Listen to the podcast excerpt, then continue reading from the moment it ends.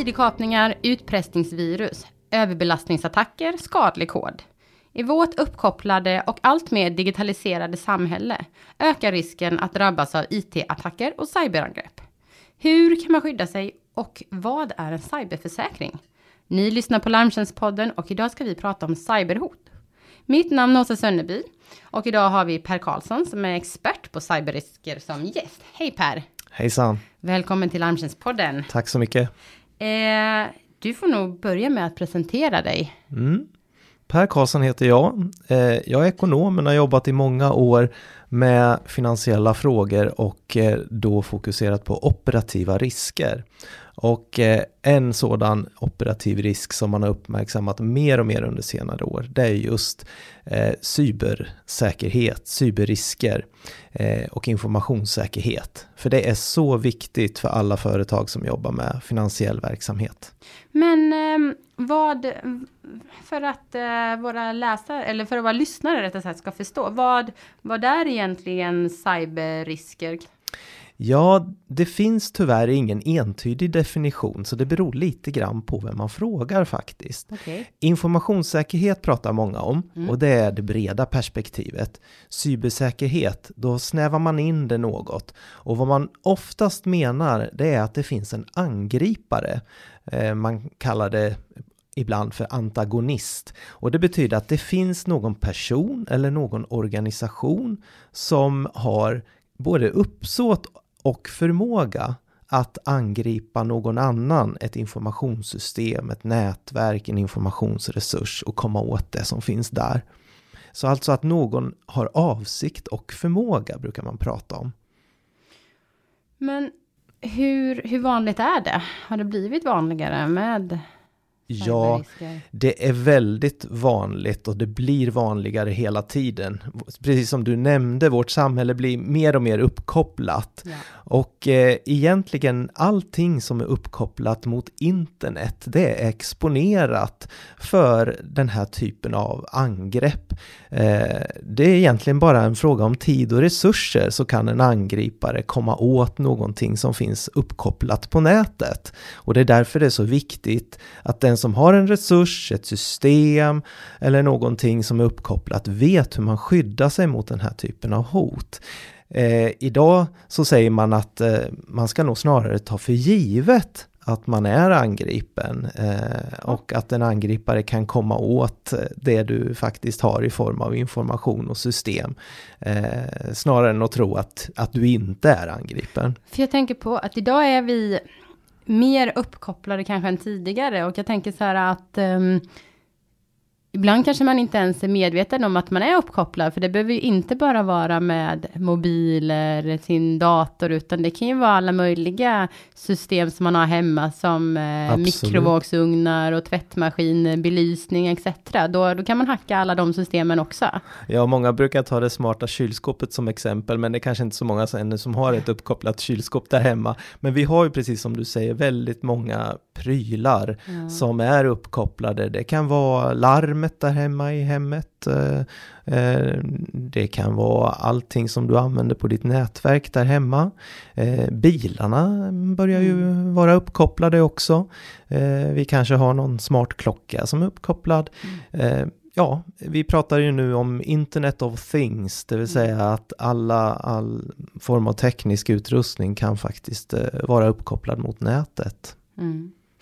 Men vilka är det som är um, utsatta? Är det främst företag och banker eller är det privatpersoner eller är det allihopa som är lika utsatta? Mm. Eh, jag skulle säga hela skalan, men sen ser det lite olika ut då beroende på vilken grupp vi talar om. Men vi har ju naturligtvis individer, eh, oss som enskilda personer. Eh, vi är utsatta på ett sätt, sen har vi företag och organisationer som kan vara utsatta också på delvis annat sätt. Mm. Och sen har vi också det eh, samhälleliga perspektivet. Att eh, myndigheter, institutioner, samhällsviktig verksamhet kan vara också utsatt för cyberangrepp. Jag läste någonstans eh, att eh, det sa man att finansbranschen är tillsammans med vårdsektorn den mest eh, hackerangripna. Mm. Uh, ja, man kan väl säga som så här att inom finansiell sektor så uh, är man van sedan länge att jobba mm. med den här typen av, av riskbild. Och det är ju ganska naturligt på ett sätt för att uh, där finns ju pengarna så att säga mm. och det är ju intressant för en angripare. En angripare kan ju ha lite olika syften med varför man ger sig på någon, men ekonomisk vinning är ju ett väldigt vanligt motiv. Mm. Eh, och det är ju någonting som bankerna har varit medvetna om väldigt länge. Då är det ofta så att en angripare försöker ge sig på den svagaste länken, vilket ofta är den som använder en finansiell tjänst, det vill säga kunden. Mm. Och det är kanske där skyddet är som svagast, eh, längst ut i kedjan så att säga. Mm.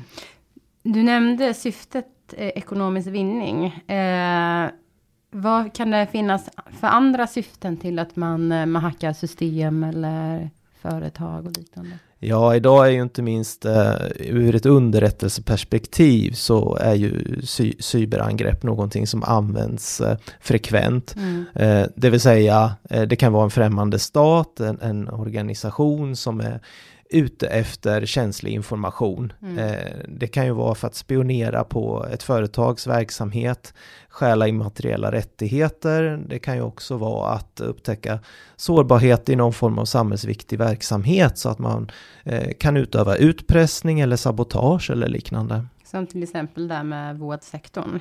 Skulle man kunna tänka sig. Vårdsektorn hanterar ju väldigt mycket känsliga uppgifter och det är klart att eh, det har vi sett exempel på hur man har eh, just använt sig av utpressning.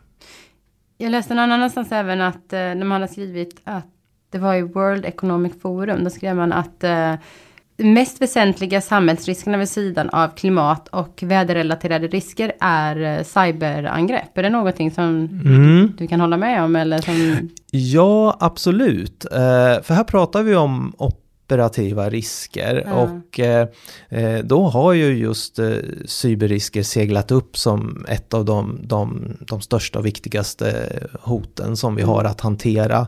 Inte bara på organisationsnivå utan på samhällsnivå. Det är därför det här kommer upp också allt högre upp i den här typen av, av ranking då som till exempel World Economic Forum. Mm. Så de ger ju varje år ut en rapport och eh, då, då hade det här klättrat upp så att om vi tittar på, de bedömer ju både sannolikheten och konsekvensen vad gäller olika händelser. Och då har det här klättrat upp och, och lagt sig nästan på samma nivå som, som det du just nämnde där, klimatrelaterat Men, men tror du att vi är så pass medvetna om, om vi tittar på de olika branscherna, om hur, eh, hur pass utsatta vi är?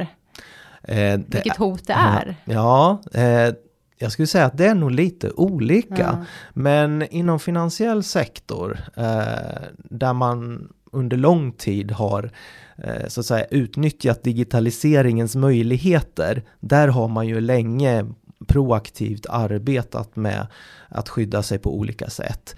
Men eh, det är ju ändå så att någonstans där, det är inte bara teknik, utan någonstans finns det en människa. Mm. Och vi människor har en tendens att eh, eh låta oss luras, eh, mm. att tro på det som låter bra. Mm. Eh, och och eh, kanske också ta genvägar när vi använder tekniken, när vi använder våra datorer eller våra mobiler och så, inte alltid tänker på om, om vi eh, till exempel har, har, säkra lösenord eller hur vi hanterar våra digitala värdehandlingar så att mm, säga. Mm, mm. Eh, och det är ofta det som är den svaga länken, så alldeles oavsett eh, hur, hur säker teknik vi har så någonstans finns det en människa som interagerar med tekniken och mm. då, kan vi, då kan det gå fel, då kan en angripare utnyttja det.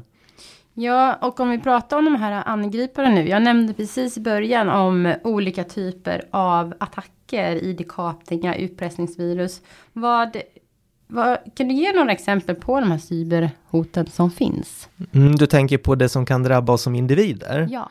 Ja, jag tycker att du nämnde några bra exempel där. Just id-kapning, det är ju någonting som det pratas mycket om mm. nu.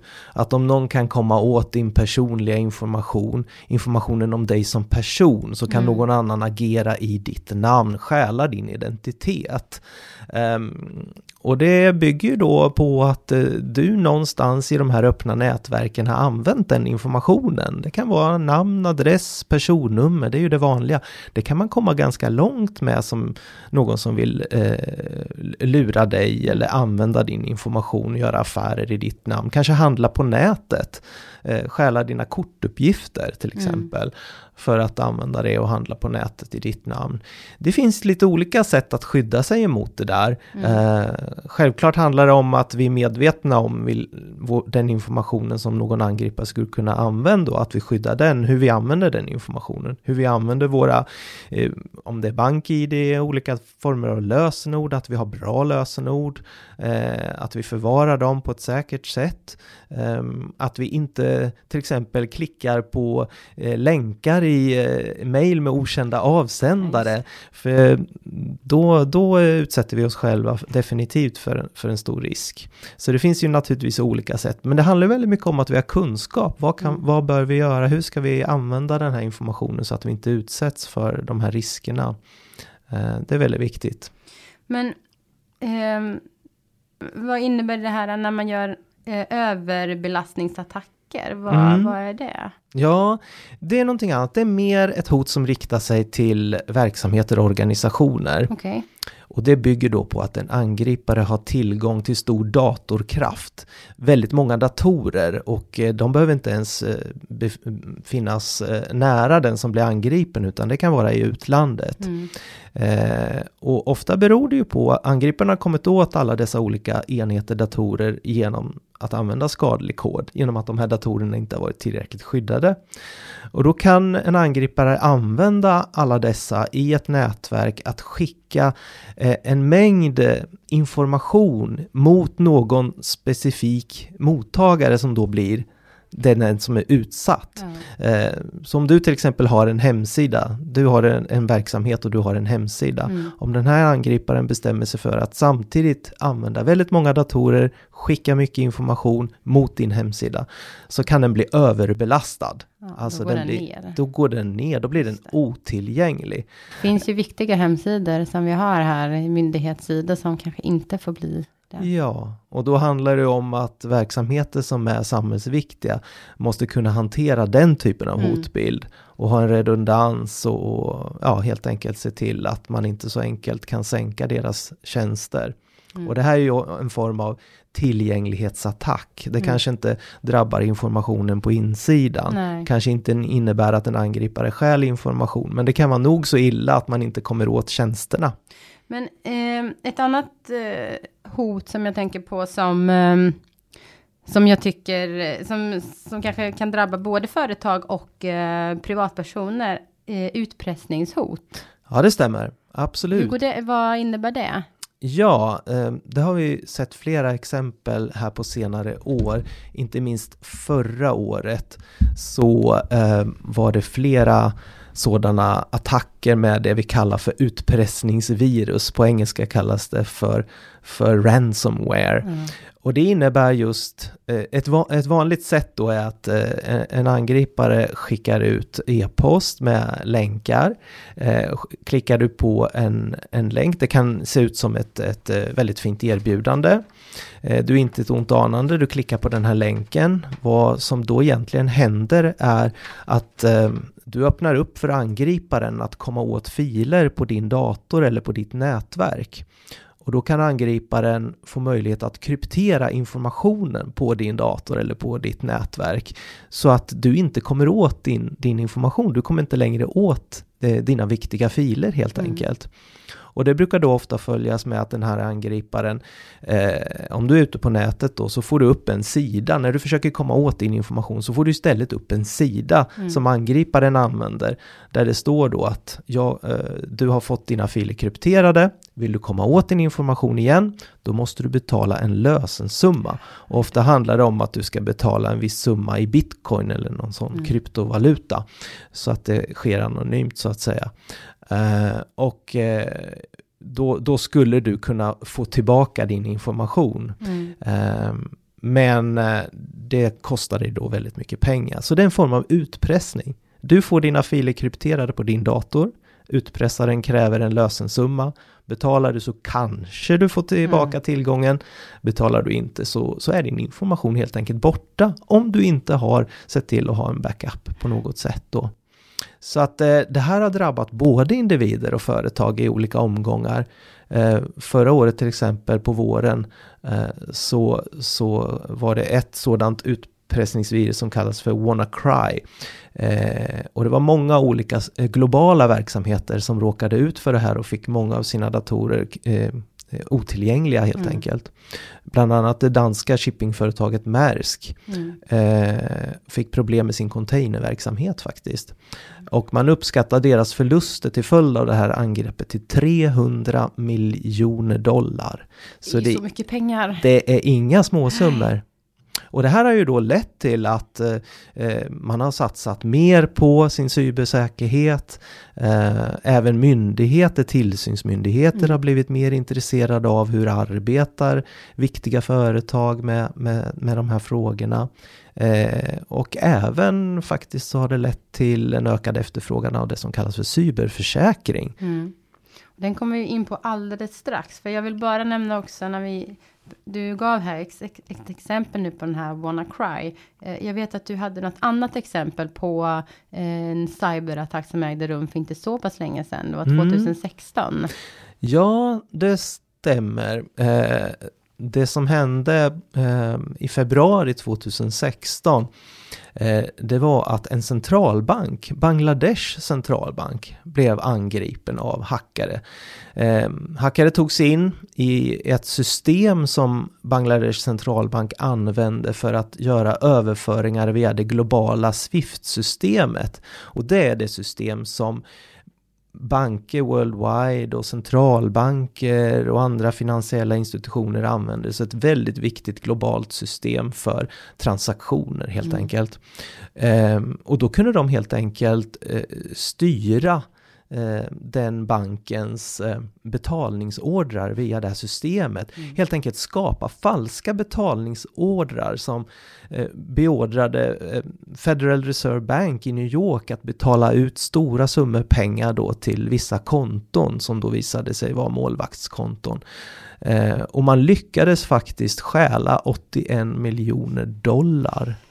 Mm. och det här hände ju då för några år sedan. Mm. Och det har inneburit att alla som använder det här eh, viktiga globala systemet för finansiella transaktioner har eh, fått arbeta mycket mer målmedvetet mm. med sin, sin säkerhet för att helt enkelt få få möjlighet att använda det systemet. Mm.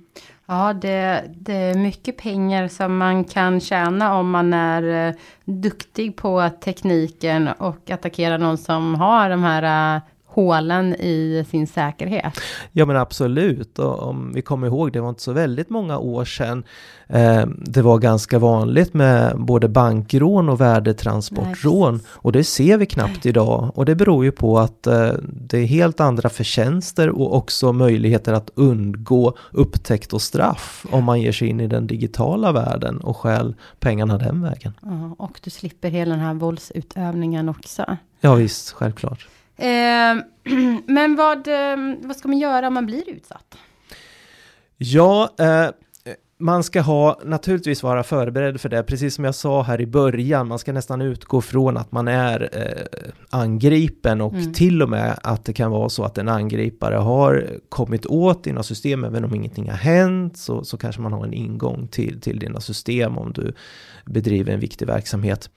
Eh, du ska ha en plan för hur du hanterar eh, en situation där data eh, försvinner, mm. manipuleras eller dina system går ner, inte är tillgängliga, inte fungerar. Och de flesta behöver sannolikt ha ett samarbete med företag som är specialister på att hantera den här typen av situation. Det kan handla om att man måste gå in och analysera i sina system vad det är som har hänt. Mm. Man behöver ha planer för kontinuitet kontinuitet och redundans, hur man återtar sitt data, hur man återskapar det. Eh, också eh, kan det vara så att om man bedriver en väldigt viktig verksamhet så kan man behöva ha flera parallella eh, driftsmiljöer som man kan använda sig av då. Om en miljö går ner så kanske man då kan eh, använda sig av en annan miljö. Eh, så, så det här måste, man måste ha alltså vara förberedd, inte bara på att kunna upptäcka ett angrepp, utan också hur man responderar på ett mm. angrepp och också hur man helt enkelt eh, startar om sin verksamhet om det värsta skulle hända. Mm. Kan man undvika att bli utsatt eller? Jag skulle säga nej på den nej. frågan. Eh, är det så att man, man på något sätt eh, använder sig av öppna nät, bedriver en verksamhet som förutsätter att du är uppkopplad på något sätt, mm. då har du gränssnitt mm. någonstans mm. som en angripare kan utnyttja. Så jag skulle säga svaret är nej på den frågan. Du nämnde tidigare cyberförsäkring. Ja. Vad är det?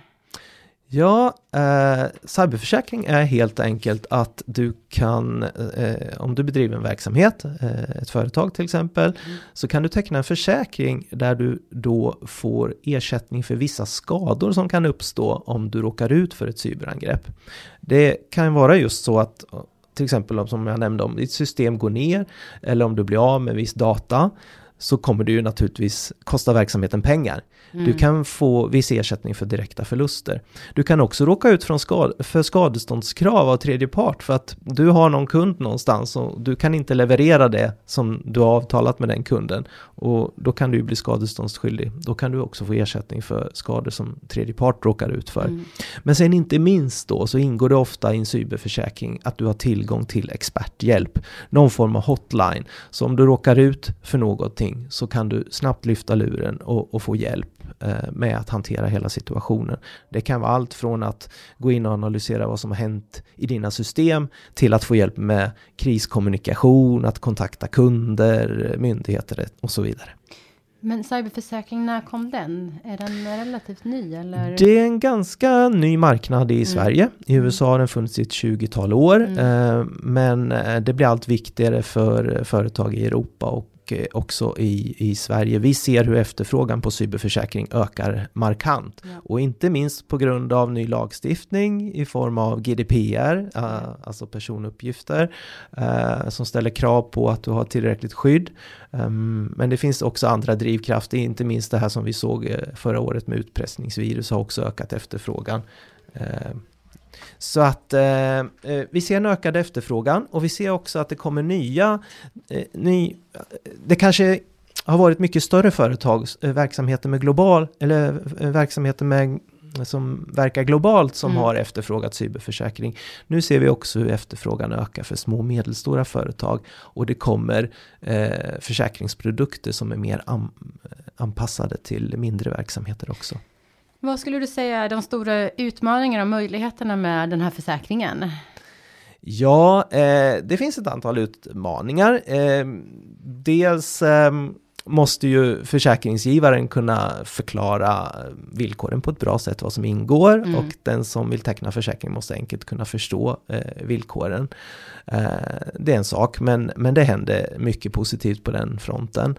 Eh, ett problem i sammanhanget är att när man räknar på risk mm. eh, så behöver man ju ha tillgång till, till bra data, jämförbar mm. data.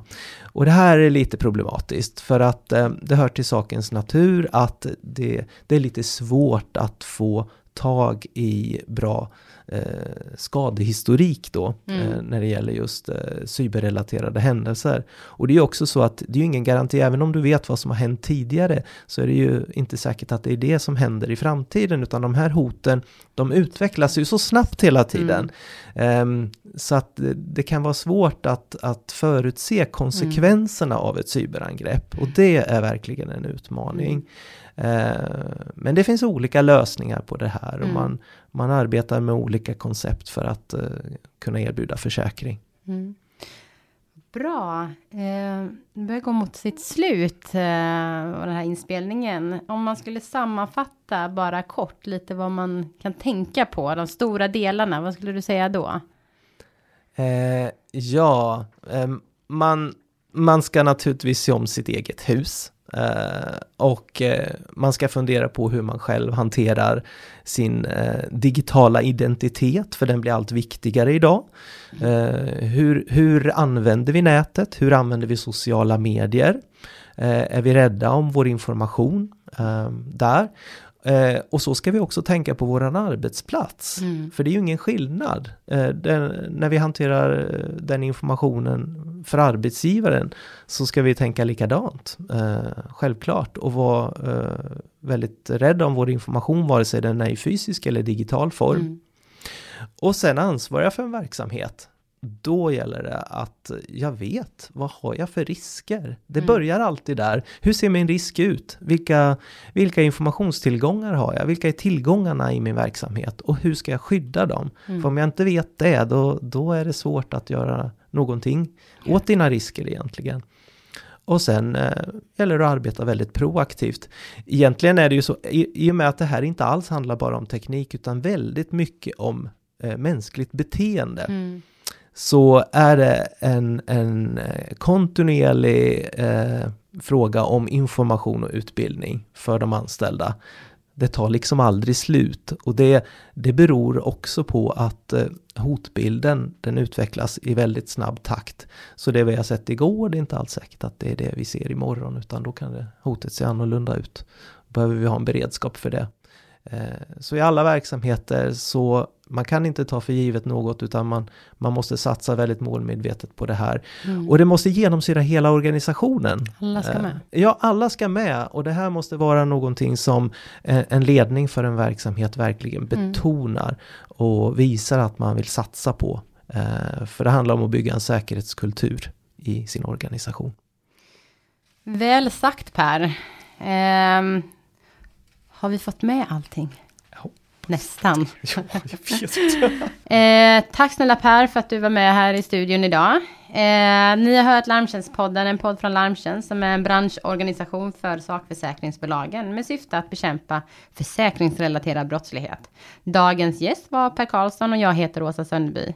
Dela gärna podden i alla era sociala kanaler och tack för att ni lyssnade så hörs vi igen.